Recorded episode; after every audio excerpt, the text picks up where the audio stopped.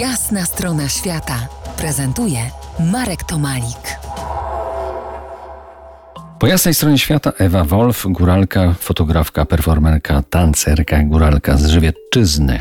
To jest rozległy teren, pełen tajemnic i stosunkowo słabo poznany, co ma swoje i dobre, i złe strony. Dobre, bo wciąż pachnie dziewiczo, złe, bo nie ma silnego napędu na podtrzymywanie tej gasnącej kultury żywieckiej.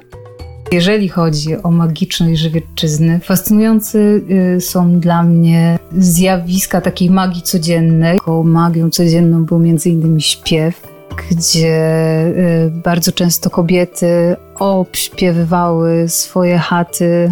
Po pierwsze po to, żeby zrobić taki krąg. Jednocześnie też y, używano komunikacji głosowej do tego, żeby się nawoływać po halach ale jednocześnie też jak Barbara Rosiek, wspaniała etnografka z Żywiecczyzny, często zaznacza, kobiety obśpiewywały chaty, chałupy, żeby chronić je przed całym złem.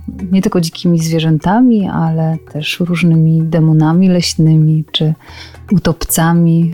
Bardzo często też, e, czego kiedyś sama doświadczyłam, e, będąc w siódmym miesiącu ciąży, e, schodząc z rozsudca na Słowacji, śpiew pomagał, kiedy nie ma, miało się ognia, bo często w ciemnym lesie chodzono ze szczapami pomagał stworzyć taką bezpieczną przestrzeń, informując zwierzęta, że no, że tutaj jestem, nie podchodź.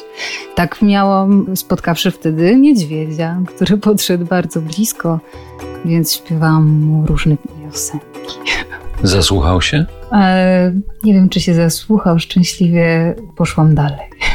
Żywietrzyzna to na pewno to jest muzyka, albo grają przyroda, bo często wieje wiatr, albo grają deszcz, ale grają też ludzie. Tych ludzi no, kiedyś było trochę, potem to jakoś się zmieniło i ich nie było, ale teraz znowu powracają. Jest y, wśród nich taka kapela, nazywa się Psiokrew.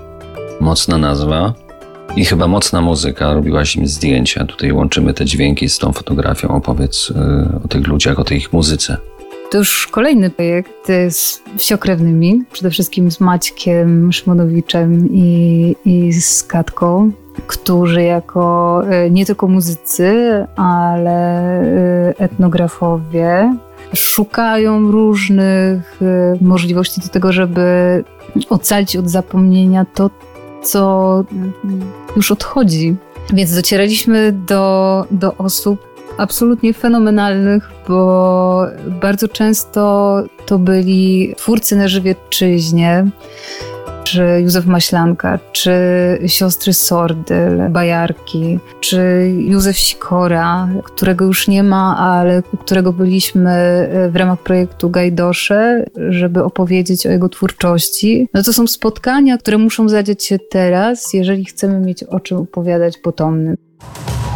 To jest jasna strona świata w RMS Classic.